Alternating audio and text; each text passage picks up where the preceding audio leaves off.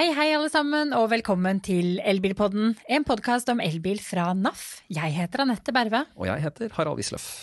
Vi har Motorredaksjonen i studio igjen for å bli oppdatert på de siste innen prøvekjøringer og nyheter.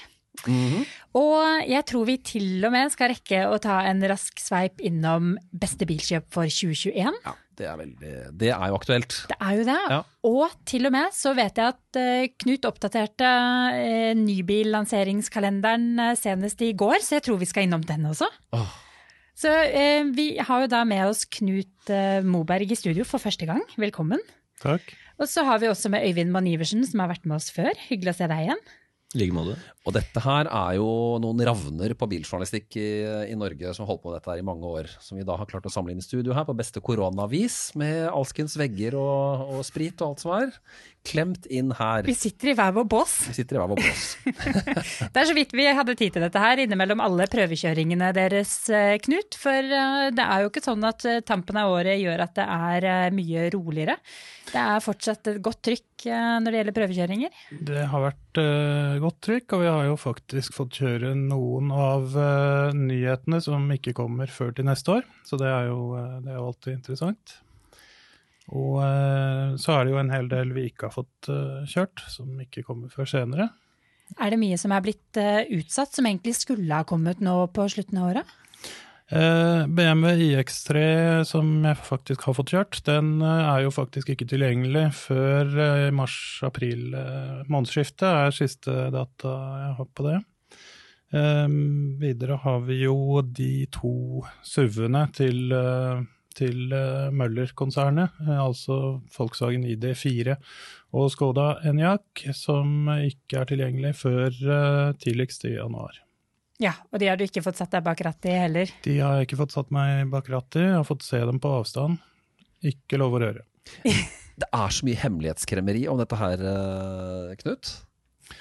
Ja, eh, konkurransen har jo virkelig dratt seg til nå de siste månedene. Ja, Eh, er, er det en gimmick, eller er det, eller er det konkurransefrykt?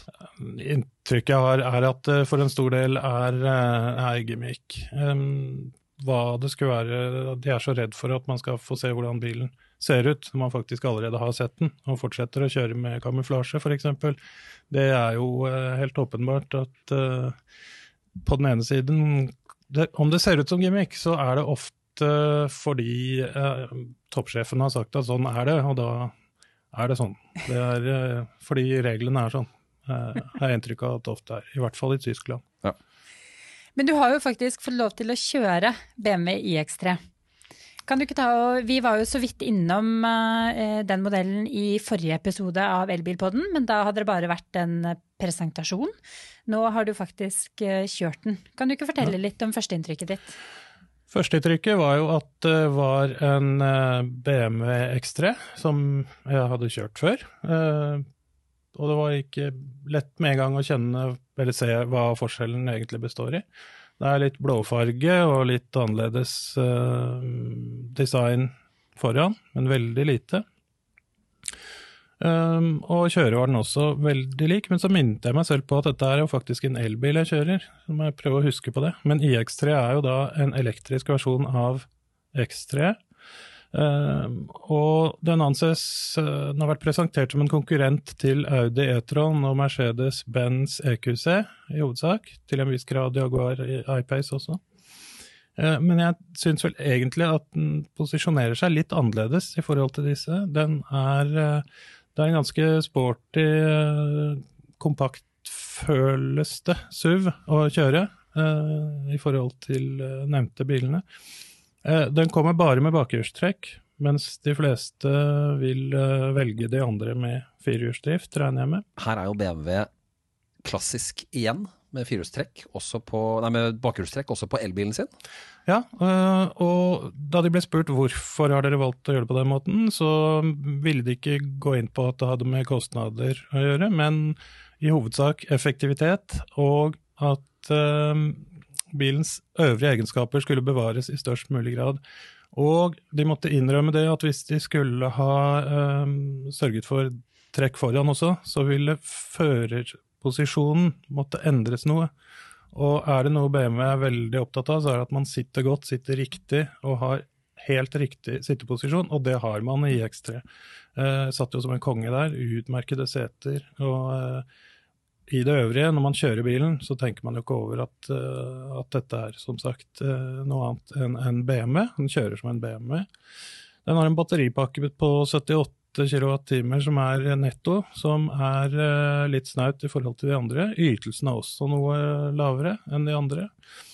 Og det varte jo ikke så veldig lenge etter at IX3 ble presentert, før de viste fram det som jeg tror kommer til å bli den virkelige konkurrenten til i hvert fall Audi E-tron og det er uh, modellen som heter IX.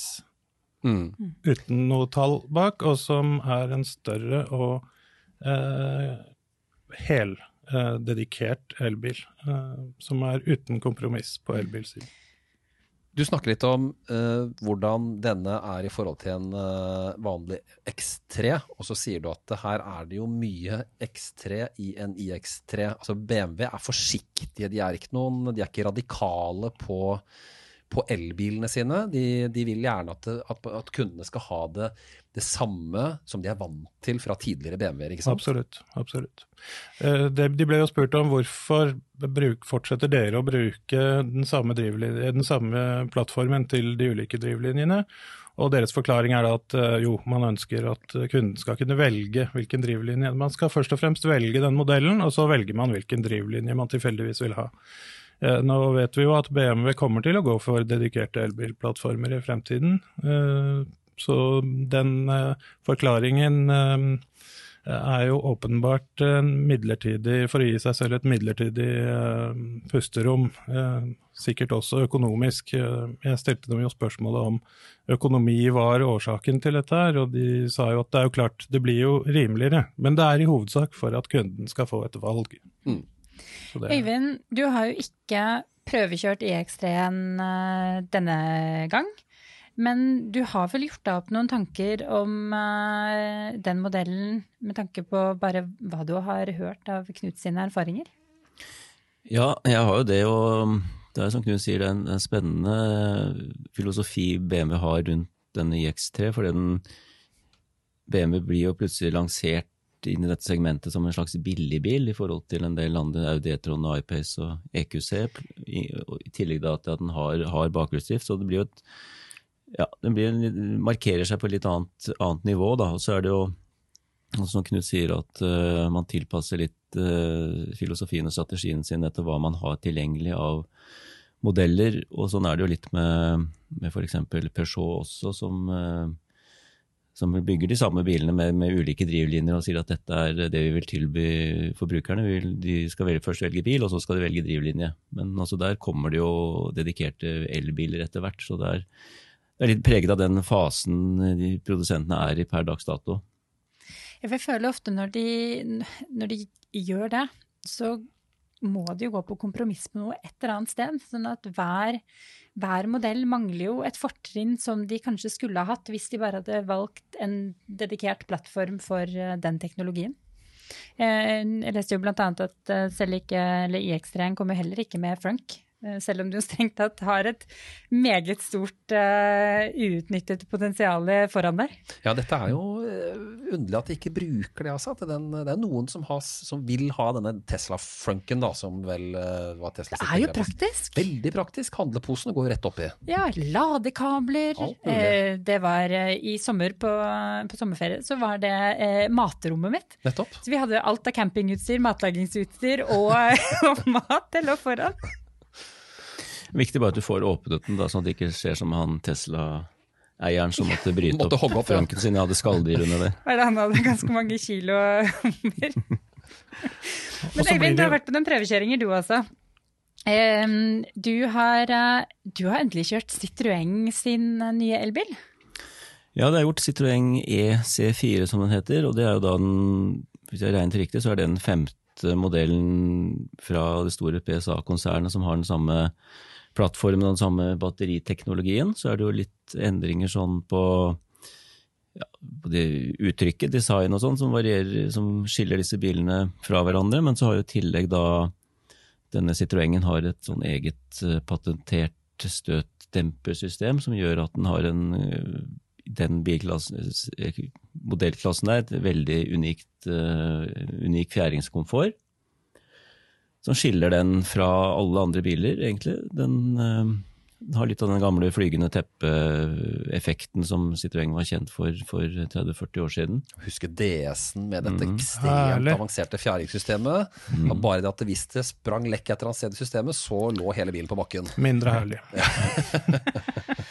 Og Det er et godt poeng det du sier der, for jeg, nå har jo Citroën hatt dette systemet sitt i, i to-tre år i hvert fall. og de holder prisene nede på disse bilene, og jeg har ikke fått hørt noe om at disse støttemperne svikter eller at det er store kostnader ved det. Så spørsmålet er liksom, hvorfor er det ingen andre som gjør dette her? Når det fungerer så tilsynelatende bra, i hvert fall på de bilene jeg har kjørt. Ja, for prismessig så snakker vi jo der, for topputstyrte modellen, så snakker vi rett, bare rett over 300 000. Ja. Den uh, toppmodellen starter vel på 312 000, så, og den billigste på 372 så du kan jo få en veldig greit utstyrt uh, Citroën med, med vinterdekk og metallic-lakk til under 300, tenker jeg. Så det er ekstremt mye bil for pengene, sånn som jeg opplever det. og Konklusjonen sånn kjøremessig er at, at, uh, at den setter en ny standard komfortmessig med de støtdemperne og og støynivå og seter som jeg føler er et hakk opp i forhold til de øvrige modellene i PSA-konsernet. Er dette noe en svoren Citroën-kjenner ville likt? Er vi tilbake litt der i eh, Ja, DS-verden? Jeg tror det hvis du klarer å holde utenom det faktum at dette er en bil som er like mye en Opel og en, som en Peugeot som en DS. Nettopp. Hvis du ser på, klarer å isolere deg fra det, det faktagrunnlaget der, så tror jeg du vil, en Citroën-entusiast vil like den bilen veldig godt. Men da begynner det jo faktisk å bli et ganske greit utvalg eh, av elbiler rundt den mellom 250 350 000 kroners klassen, som er en klasse ganske mange ser etter bil i. Eh, men det, jeg syns jo da, nå er det jo, dette blir jo da den modellen som legger seg best i uh, rekkeviddemessig av nykommerne. Eh, vi snakket jo om Mazda MX30 forrige gang du var her. Eh, den er jo vel hakket, hakket billigere, men der snakket vi jo bare rundt eh, 200 km rekkevidde. Nå er vi oppe i med Citroën 350 km. Mm. Og det er litt fascinerende at det er den av disse fem-seks nykommerne fra, fra PSA som har lengst rekkevidde.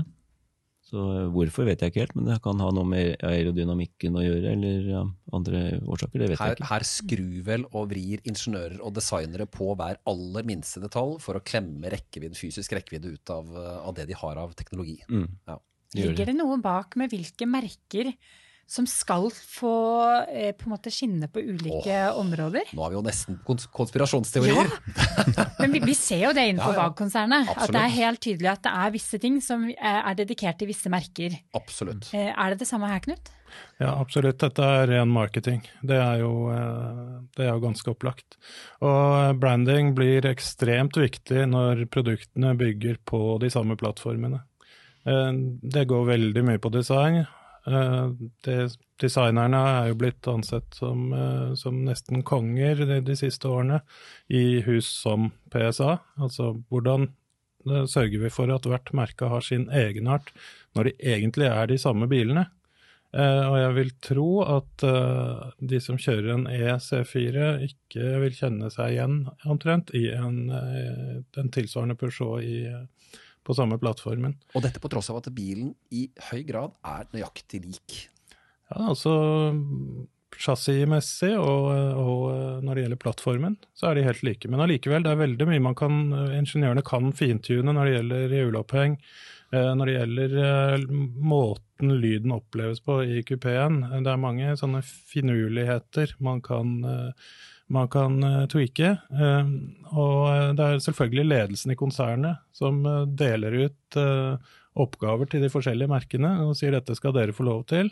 De diskuterer da selvfølgelig, og ledelsen er jo ikke dum heller. Den spør jo Citroën-folket hva er det dere mener skal være typisk for deres merke, og så får de gjennomslag for det konsernet mener de kan ha råd til, og, og eh, som er hensiktsmessig eh, kommersielt. Jeg ser for meg de samtalene. Ja, dette her er hva skal dette merket tilfredsstille, hvilken oppgave skal dette løse i markedet? Og, og dette merket skal ha en annen, en annen attitude, det kan være en annen form for formspråk, en annen kjøpergruppe.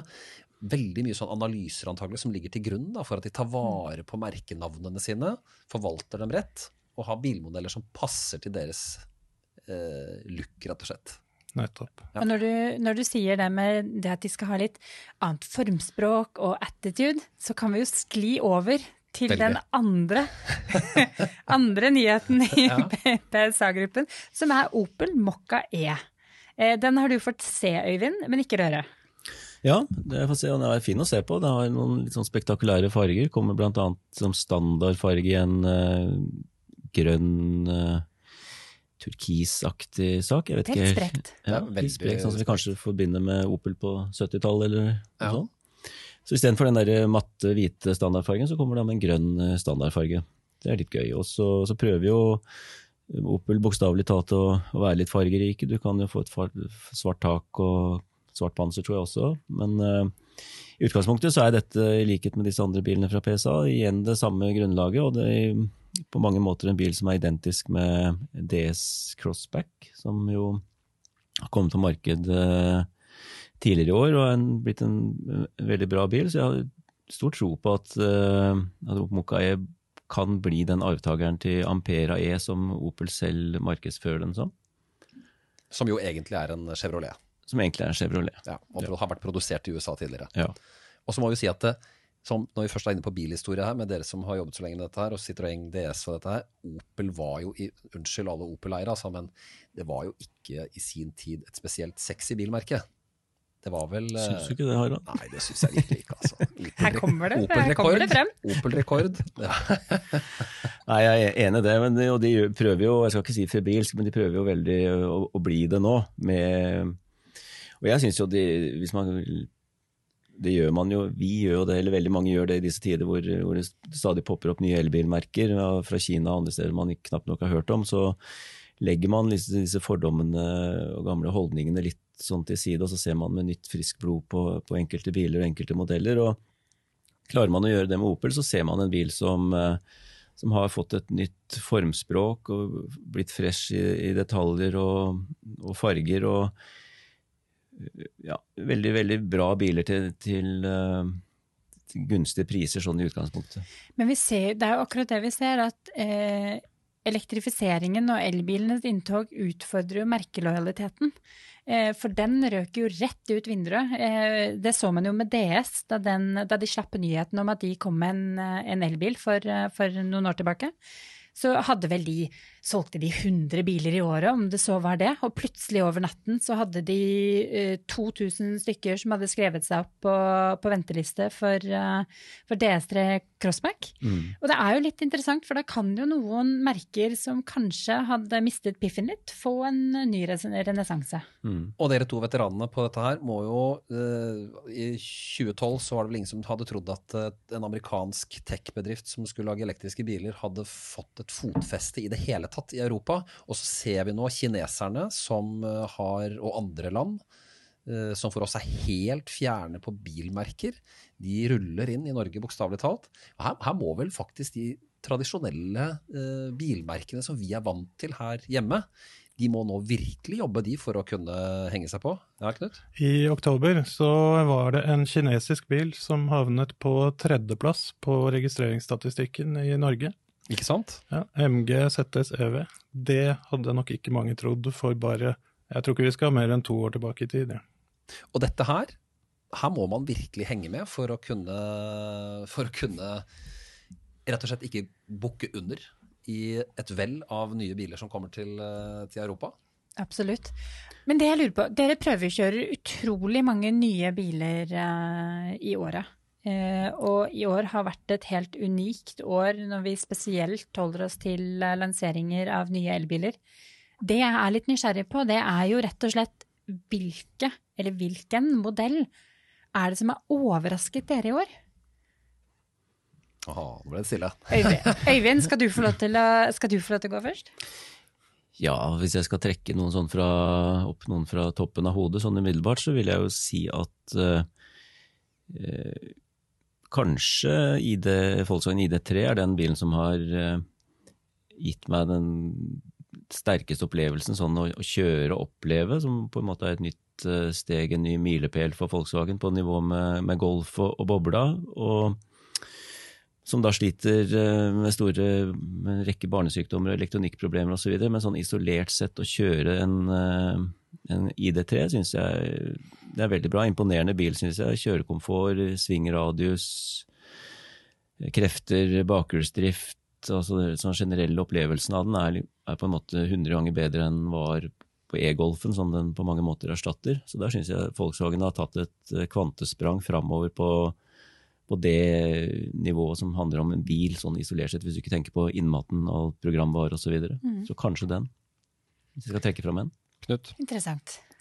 Ja det, er, ja, det er, noen paralleller her. Ehm, for, mitt vedkommende så eh, må jeg nesten motvillig innrømme at, eh, at det er Polestar 2 som imponerte meg Hvorfor mest. motvillig? Eh, litt motvillig fordi ja,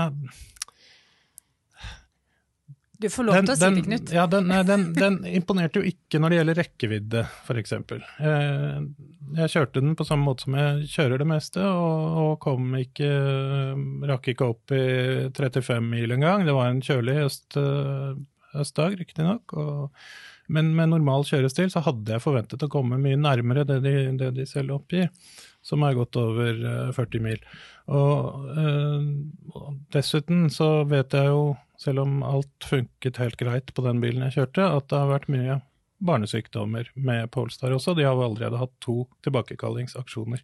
Likevel, det er en veldig godt gjennomtenkt bil. Eh, den kjennes, det kjennes mye av det som er bra hos Volvo, går igjen hos Polestar. Samtidig så er det jo mye nytenkning, og eh, de har våget en del der. Eh, bilen er veldig god å kjøre. Til tross for at den ikke er basert på en dedikert elbilplattform, så syns jeg de har fått det bra til når det gjelder plassforhold og, eh, og eh, bagasjeplass. Den er veldig komfortabel. Eh, støynivået er ikke eksepsjonelt, men det er akseptabelt under vanlige kjøreforhold. Den er veldig kvikk, den er rask, firehjulsdrift som virker veldig bra, med en elbil på hver aksel. Uh, og den er veldig godt utstyrt for, uh, for den prisen uh, de skal ha for den. Um, og så kommer dette med barnesykdommene, som også Øyvind er inne på. det er en av de bilene som, hvor kundene er forsøkskaniner. Altså ufrivillig, og jeg vil ikke tro det er gjort med vilje fra produsentenes side heller. De hadde antagelig håpet at det skulle gå bedre enn det gjorde, men nå, nå kommer det jo selvfølgelig til å gå seg til dette her, og da kommer Polestar til å være en veldig, veldig ok elbil for de som ikke trenger eh, verdens beste eh, rekkevidde. Og så nevnte du også før vi gikk i sending at uh, dette er den første bilen hvor Google Automotive, eller Android Automotive fra Google, ja. er fullintegrert. Altså et komplett datasystem, får vi kalle det, med entertainment og navigasjon og alt som er. Det var egentlig det første jeg sa, faktisk, fordi det er jo det man legger merke til når man setter seg bak rattet og begynner å, eh, å, å, se gjennom systemene. Det er veldig godt integrert. Mm. og eh, Det er faktisk eh, Volvo og Volvo-gruppen Eh, som tilhører en større gruppe, kinesiske Geely-gruppen, som eh, har inngått eh, avtalen med, med, Google om at Android skal integreres i bilene deres. Og Polestar fikk lov å være først ute med den. Og det, er, det gir en brukeropplevelse, en brukervennlighet, som, som imponerte meg kraftig. Jeg må si meg veldig enig i det Knut sier der. Jeg kjører jo selv ID3 i hverdagen. Og er det én ting som virkelig irriterer meg i den bilen, så er det hvor utrolig dårlig eh, først den Når du først har en, et keitete brukergrensesnitt på den eh, infotainment-systemet og, og, navigasjonen, så er det, det er et lite irritasjonsmoment i hverdagen. Jeg skulle prøve å navigere til Brokelandseia. Ifølge den ID-trenden så finnes det ikke en Brokelandseia i Norge. Jeg, jeg ble sendt til Tyskland konstant. Eh, mens den gangen jeg skulle kjøre Polestar, så sier du hei Google, naviger til Brokelandseia. Og så, og så dukker det opp. Og det er så behagelig. Ja, og her er det jo altså da eh, teknologigiganter som har greie på noe helt annet enn bil. Som eh, får eh, sine systemer inn i bilen. Da, da har man lagt til side litt av denne, dette gamle tankegodset mange bilprodusenter kanskje har. da. Og det er mye fryktelig dårlige navigasjonssystemer og infotainmentsystemer i, i biler, i hvert fall bakover i tid. Uh, og hvor nå da Google er blant produsentene som kanskje kan tilføre noe nytt her. da. Men så er det dette som jeg uh, irriterer meg så fryktelig over. At uh, vi sitter som forbrukerne sitter som prøvekaniner, og så blir det tilbakekallinger. Og så er det masse feil på bilene. Øyvind, hvorfor, hvorfor dytter de ut bilene før de liksom er, før de er klare? Det er veldig irriterende å ha en ny bil, og så måtte komme på verksted etter 14 dager. Ja, det er veldig irriterende. og det er jo flere grunner til det. Én ting er uh, dette utslippskravet til EU, som gjør at man må ha biler med lavt utslipp ut på markedet så fort som mulig for å nå disse målene. Man er tvunget. Man er tvunget. Ja. Det er vel det viktigste. Så har du selvfølgelig koronaen, som har vært en medvirkende effekt her, som har gjort at det har vært stans på fabrikker, og, og folk er blitt permittert rundt omkring i verden, og man vil få i gang den produksjonen og få i gang arbeid igjen, og folk skal få tjene pengene sine og osv. Så, videre. så er det, en, det er to, to sterkt medvirkende årsaker. men uh, så det jo, handler det jo mye om, om at uh, dette er store bilgiganter som er vant til å lage tradisjonelle biler, konvensjonelle biler med forbrenningsmotor og en helt annen, mindre fokus på elektronikk, som plutselig skal fra å være bilprodusenter, så skal de være programvare- og dataprodusenter, på en måte. Og det så er det jo ikke sånn at uh, Norge, elbilnasjonen Norge er uh, bilverdens navle. Der det produseres biler på andre markeder med diesel og bensin og hybrider, som også får masse fokus hos de store produsentene. Så det er en kombinasjon at de kanskje ikke er flinke nok, at kanskje ikke foreløpig legger tilstrekkelig ressurser i det, og at de har litt hastverk med å få bilen ut på markedet, rett og slett.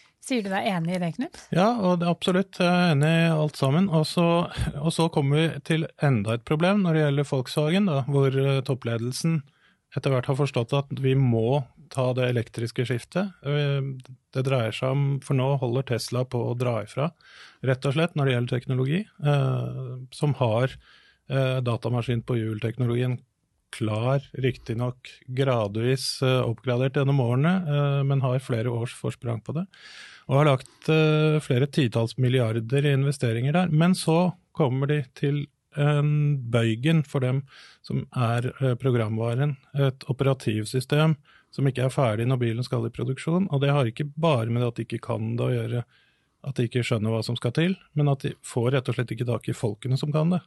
De er ikke en teknologibedrift. En uh, nyutdannet nerd som virkelig kan programvareutvikling, har ikke lyst til å dra og jobbe i Wolfsburg. Nei, de havner fort i California, de. De havner fort i California. Det har heldigvis disse konsernene begynt å skjønne etter hvert. Så nå, nå popper det opp teknologiutviklingssentre rundt omkring i mer attraktive strøk, i, som i nærheten av Lisboa i Portugal for Volkswagens del, f.eks. Litt mer sånn Techno Valley-steder eh, og sånn. Det tror, jeg, det tror jeg er på tide.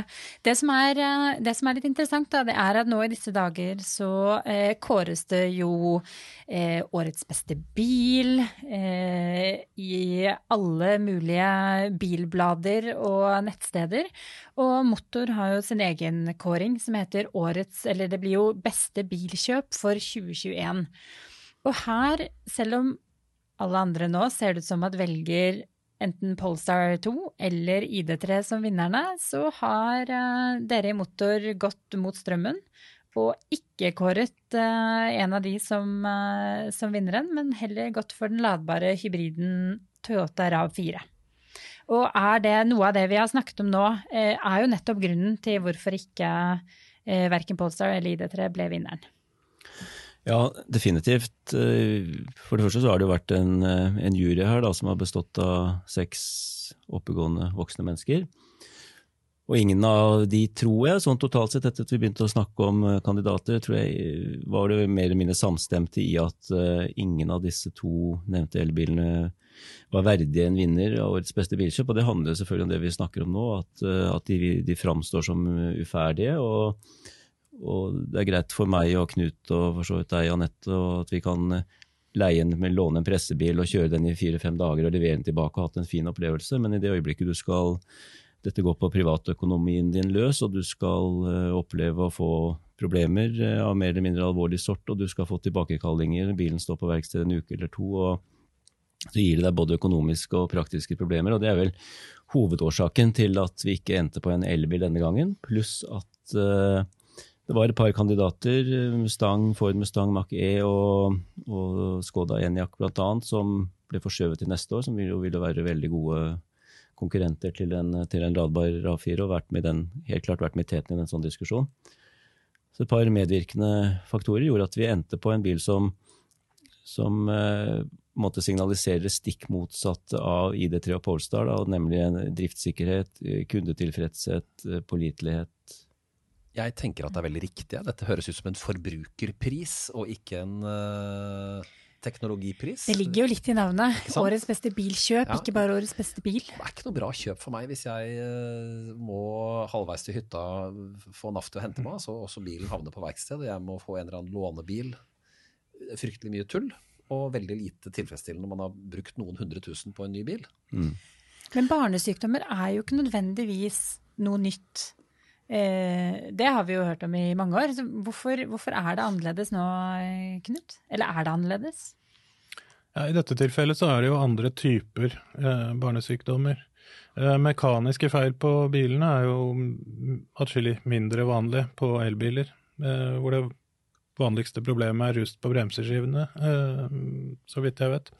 Eh, og eh, derimot så er det jo, som jeg var inne på, programvaren som er i sentrum. Der er det rett og slett mangel på erfaring og mangel på tilstrekkelig kompetanse inhouse, tydeligvis, som har vært, som har vært årsak. Så det er barnesykdommer har alltid eksistert. Nå er det andre typer barnesykdommer, men som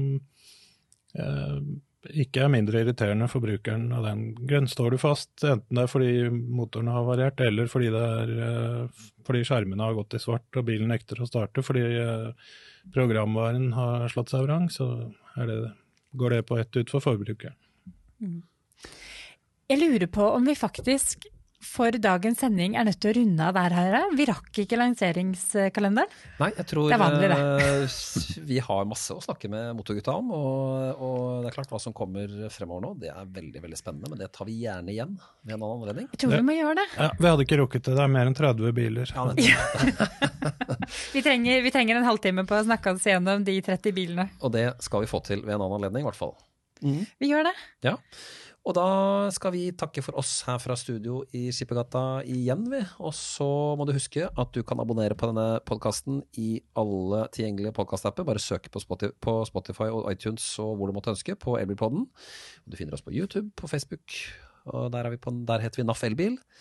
Uh, og så finner du masse om elbil på naf.no elbil. Og vil du tipse oss om noe, så kan du sende oss en melding på Facebook, eller sende oss en e-post på elbil.krøllalfa.naf.no.